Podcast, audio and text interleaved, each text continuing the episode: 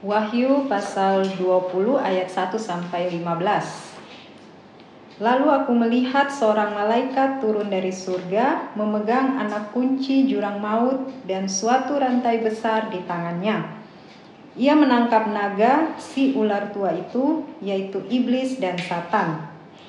Ia mengikatnya selama seribu tahun dan melemparkannya ke dalam jurang maut dan menutup jurang maut itu dan memeteraikannya di atasnya supaya ia jangan lagi menyesatkan bangsa-bangsa sebelum berakhir masa seribu tahun itu. Setelah itu ia akan dilepaskan untuk sedikit waktu lamanya.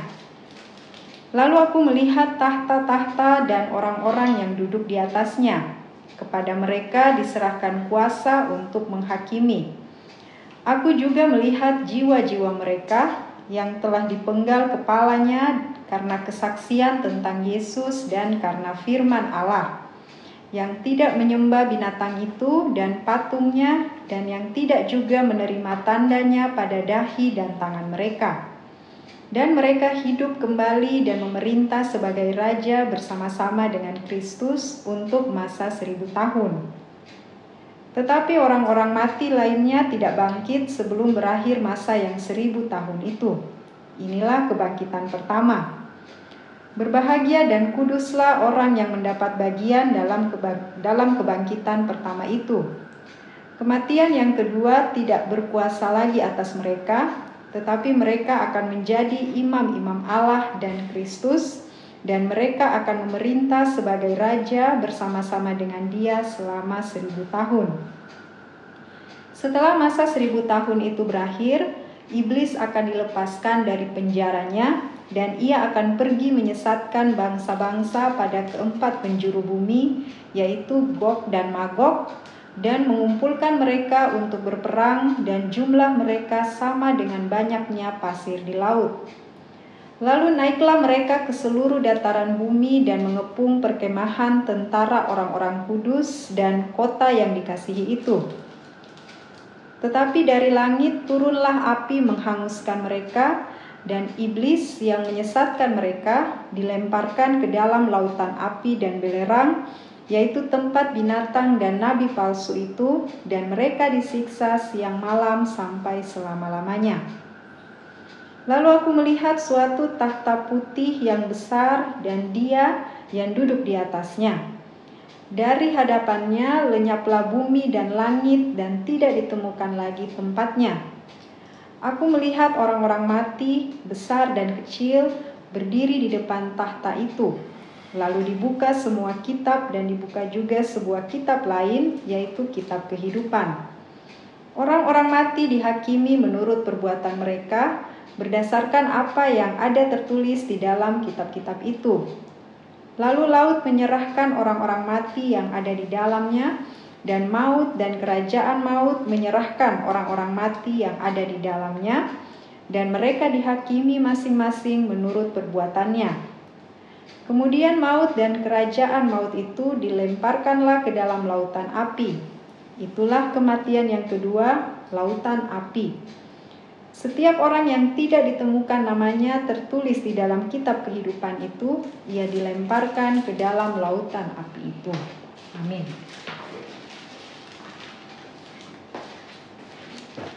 Bapak Ibu, saudara-saudari yang dikasih Tuhan. Kalau minggu lalu pembacaan tentang perjamuan kawin anak domba dan setelah perjamuan kawin anak domba, Tuhan Yesus turun bersama pengantin-pengantinnya, yaitu kita ya, turun bersama Tuhan naik kuda putih dan berperang melawan raja-raja, uh, pemerintah bangsa-bangsa yang sedang mengupung uh, orang Israel, orang-orang yang tetap percaya kepada Tuhan yang terdesak.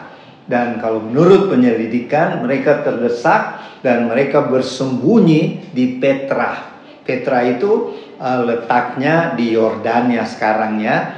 Uh, Warlord pernah pergi ke Petra ini jadi sebagai pengetahuan pada satu saat waktu perang Armageddon ketika sudah terdesak Israel dan pengikut-pengikut Tuhan oleh pasukan antikris. Tuhan Yesus turun dari sorga dengan menunggang kuda putih. Itu minggu lalu kita sudah bahas ya. Dan Tuhan berperang sendirian. Jadi eh, penunggang kuda lainnya yaitu pengantin-pengantin Tuhan termasuk kita di dalamnya tidak usah berperang, cukup Tuhan sendiri dan terjadi kematian besar-besaran dan uh, antikris binatang yang keluar dari laut itu dan nabi palsu ditangkap oleh malaikat dan dibuang ke neraka ya. Dan setelah itu kita masuk dalam pembacaan hari ini yaitu setelah uh, antikris dan nabi palsu ditangkap kemudian Tuhan Yesus memerintah di bumi selama seribu tahun dan pusat pemerintahannya di kota Yerusalem yang sekarang ada di Israel ya. Jadi kota Yerusalem di Israel sekarang itu akan menjadi pusat pemerintahan Tuhan Yesus. Inilah Tuhan disebut the King of Kings, raja atas segala raja. Dan ketika dia memerintah bumi selama seribu tahun, bumi dalam keadaan damai, tidak ada perang. Dan uh, menurut kitab Yesaya, bisa dilihat di kitab Yesaya ya, bahwa selama kerajaan seribu tahun, keadaan di bumi menjadi baik, subur, sehingga manusia-manusia yang hidup dalam seribu tahun ini, kerajaan seribu tahun berumur panjang. Kalau sekarang mungkin paling tinggi 80 tahun atau ada juga yang 100 tahun. Tetapi kalau di kerajaan seribu tahun nanti, waktu Tuhan Yesus jadi raja, orang akan berumur panjang dan kalau ada orang yang meninggal umur 100 tahun seperti tertulis di kitab Yesaya itu disebut masih anak-anak dia sudah meninggal dan mungkin ada kutuk. Jadi di kerajaan seribu tahun masih ada kutuk ya. Sekalipun nabi palsu uh, apa namanya uh, antikris dan iblis sendiri sudah ditangkap dan dibuang ke Tartarus atau bahasa lainnya Ebis. Di situ iblis dipenjara selama seribu tahun dan pintu penjaranya dimeteraikan. Itulah yang dilihat oleh Yohanes ya dalam penglihatannya di Pulau Patmos. Dia melihat seorang malaikat yang besar dengan rantai dan ada kunci di tangannya Kemudian dia menangkap iblis, kemudian dia membuang iblis ini si naga tua atau ular tua yang menggoda Adam dan Hawa di Taman Eden itu dibuang ke Tartarus ya kemudian dia dirantai di sana selama seribu tahun sehingga di bumi tidak ada iblis. Tapi ternyata kalau kita baca terus pada akhir kerajaan seribu tahun manusia yang tidak ada iblis ya tidak digoda lagi oleh iblis ternyata jatuh lagi dalam dosa.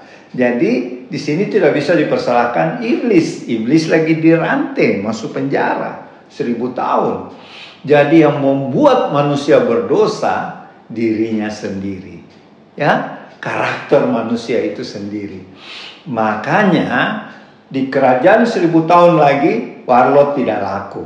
Tidak ada usir-usir setan lagi. Karena setan sudah dipenjara ya.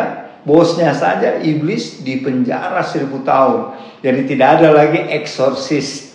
Tidak ada pengusiran setan. Di mana saat ini lagi tren ya, lagi viral The Pope's Exorcist, yaitu pengusir setan yang mendapat perintah dari paus. Itu lagi populer sekarang ya. Filmnya bisa dinonton di bioskop. Tetapi di kerajaan seribu tahun tidak ada lagi pengusiran setan. Setan rajanya pun si iblis di penjara seribu tahun. Tetapi ternyata manusia berdosa juga. Kenapa berdosa? Karena karakternya. Jadi karakter ini penting ya.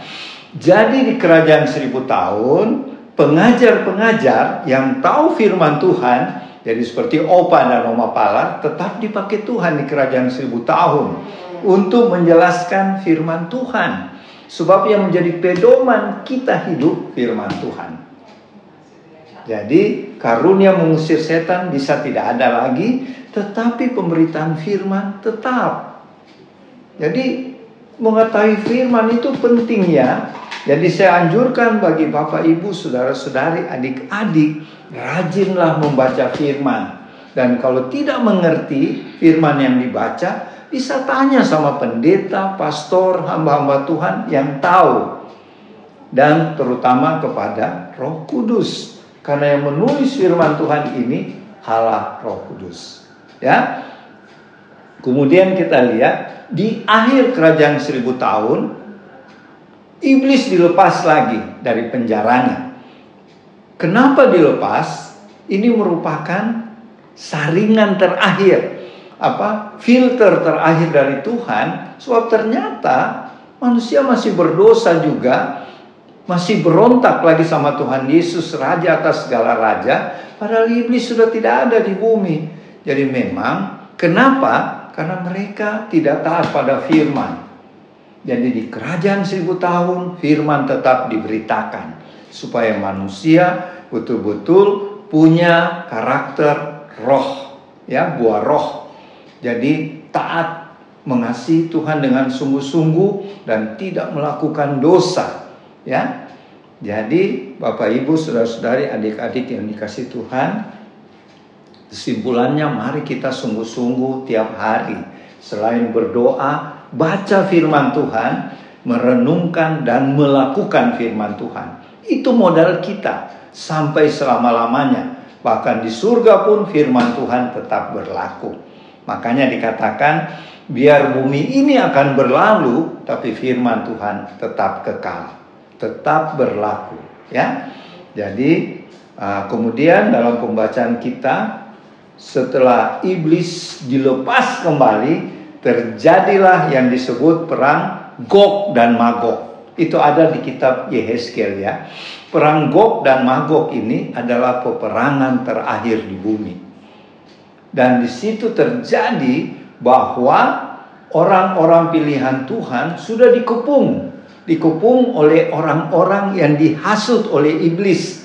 Karena iblis dilepaskan kembali di akhir kerajaan seribu tahunnya Tuhan Yesus iblis dilepas dari penjaranya.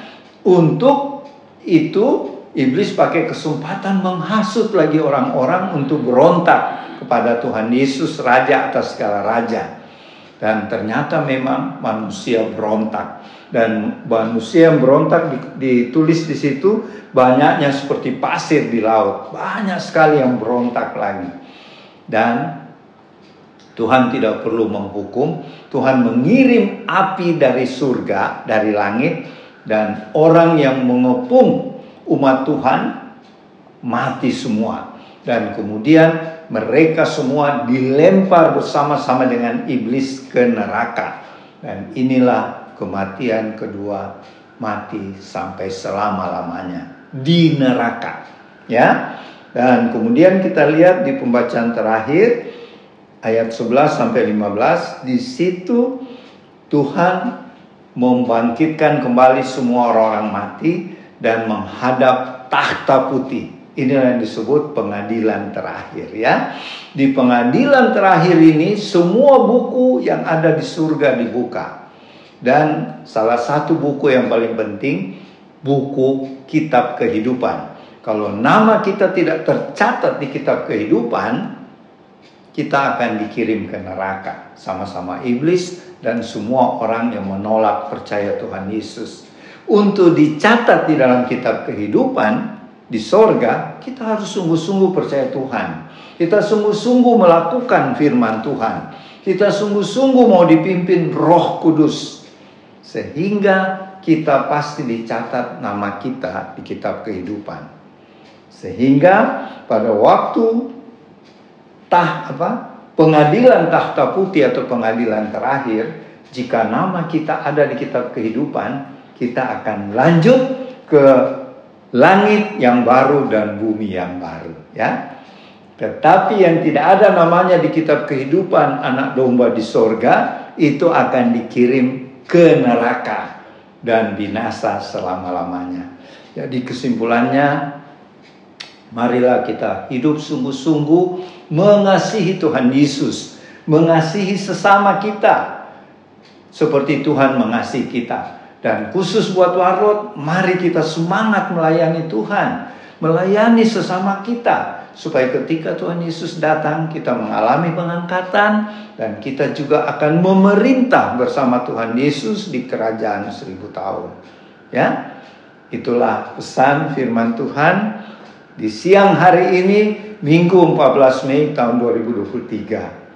Semoga menjadi berkat bagi Bapak, Ibu, saudara-saudari, dan adik-adik.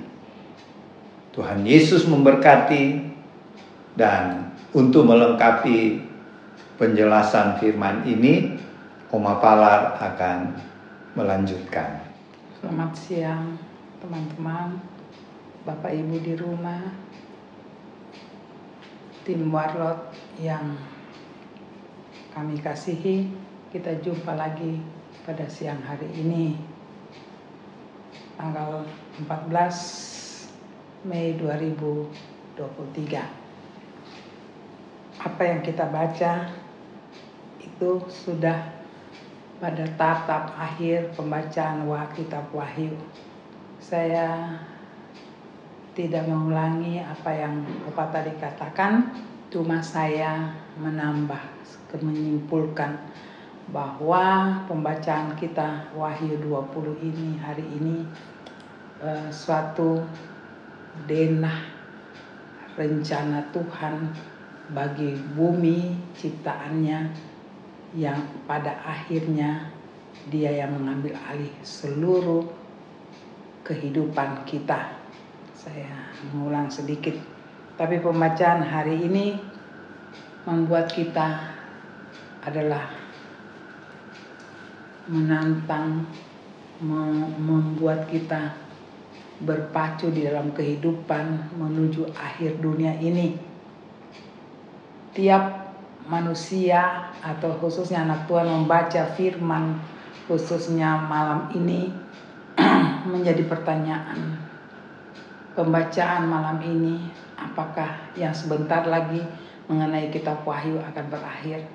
Apakah yang kita baca pada firman yang di uh, Wahyu 20 ini membuat kita makin melihat rencana rancangan Tuhan itu benar-benar iya dan amin. Tidak ada sesuatu pun kata dusta di dalamnya. Walaupun kita melihat dari firman yang kita baca perjanjian lama sampai wahyu dan akhir-akhir yang kita uca, uh, ulas mengenai kitab wahyu. Apakah hanya penderitaan? Kadang-kadang kita membaca firman yang kita lihat hanya penderitaan. Ya, kita tidak melihat rancangan Tuhan lagi. Sehingga kadang-kadang firman yang kita baca ya membuat kita sering Tuhan di mana engkau? Tuhan apa yang kami buat? Sebenarnya kunci daripada Tuhan ciptakan, Tuhan mau memberikan kebahagiaan pada kita. Itu pembacaan kitab Wahyu ini. Itulah mulai Tuhan mengatakan menyatakan rancangannya bahwa aku menciptakan manusia bukan untuk penderitaan pada akhir kehidupan ini aku menampakkan otoritasku. Ya, aku yang berkuasa. Begitu bahagia firman Tuhan Wahyu 20 ini. Kita berbahagia bersama Tuhan di dalam step-step yang dia rancangkan, rencanakan. Ya, dia memilah-milah di mana anak-anakku yang setia di mana sang yang sang uh, uh, yang menghancurkan kehidupan kita yaitu iblis yang selalu mau mengganggu kehidupan ciptaanku untuk membuktikan dia ber, ber, berkuasa atas bumi ini dia menguasai bumi itu itu pun tidak akan terjadi. Dan Tuhan mengatakan itu semua aku membuktikan pada ciptaanku bahwa aku apa-apa yang aku ciptakan ciptakan semua indah. Ya. Tetapi di mana iblis datang untuk menghancurkan. Tapi pada akhirnya aku yang memegang peran di situ. Bapak Ibu teman-teman di rumah firman hari ini kalau kita renungkan hidup kita tetap ada kebahagiaan. Memang sebelum berakhir dunia ini Tuhan memperkenalkan bagaimana Dia menciptakan sebenarnya manusia untuk menyatakan kuasanya, untuk menyatakan kehidupan manusia untuk bekerja bekerja sama dengan aku. Ada kebahagiaan. Pertanyaan, apakah perjanjian lama sampai pada kita baca kitab Wahyu ini kita tidak mengalami kebahagiaan? Kalau kita renungkan, kebahagiaan kita akan pegang itu kalau kita bersama Tuhan. Ya. Dia juga membuktikan tapi iblis datang untuk menghancurkan kebahagiaan itu. Saya ulang lagi pada akhir zaman seperti kita itu sangat beda. Di mana iblis, di mana kebahagiaan yang Tuhan berikan bagi anak-anaknya yang memilih dia. Tidak ada yang membingungkan, tidak ada pilihan karena Tuhan yang mengatakan dengan tangannya, aku yang berotoritas Aku yang mengatur kehidupan ini. Tinggal kita pembacaan pada firman pada hari ini kita memilih mau kita berada di mana. Sampai apa pun yang kita buat di dunia itu ada tertulis. Sampai akhir dunia ini dia menyediakan waktu untuk buktikan pada anak-anaknya yaitu seribu tahun saya tidak panjang lebar Bapak Ibu di rumah mengenai seribu tahun. Akan panjang, tetapi itulah kebahagiaan. Seribu tahun bukan dinyatakan saja di firman yang kita baca hari ini. Tetapi sebelumnya gambaran itu selalu sudah ada. Jadi kita harus tahu sifat Tuhan. Saya selalu ulang-ulang, Tuhan tidak pernah menyembunyikan menjadi rahasia bagi anak-anaknya khususnya bahwa bagaimana dia merancangkan dunia ini untuk menyatakan bagi ciptaannya, aku menciptakan kamu untuk menyatakan kebahagiaan kamu dan aku. Dan dia menyatakan juga pada iblis, kamu ada di bawah kendaliku. Nah, firman hari ini mendorong kita bahwa sekali lagi kebahagiaan itu kita bisa rasakan sebelum tiba apa yang dibacakan pada hari ini. Kalau kita bersama Tuhan, Tuhan akan mengambil alih kehidupan kita dan menyatakan pada dunia, pada iblis, aku adalah menjadi pilihan mereka dan aku yang akan memelihara mereka.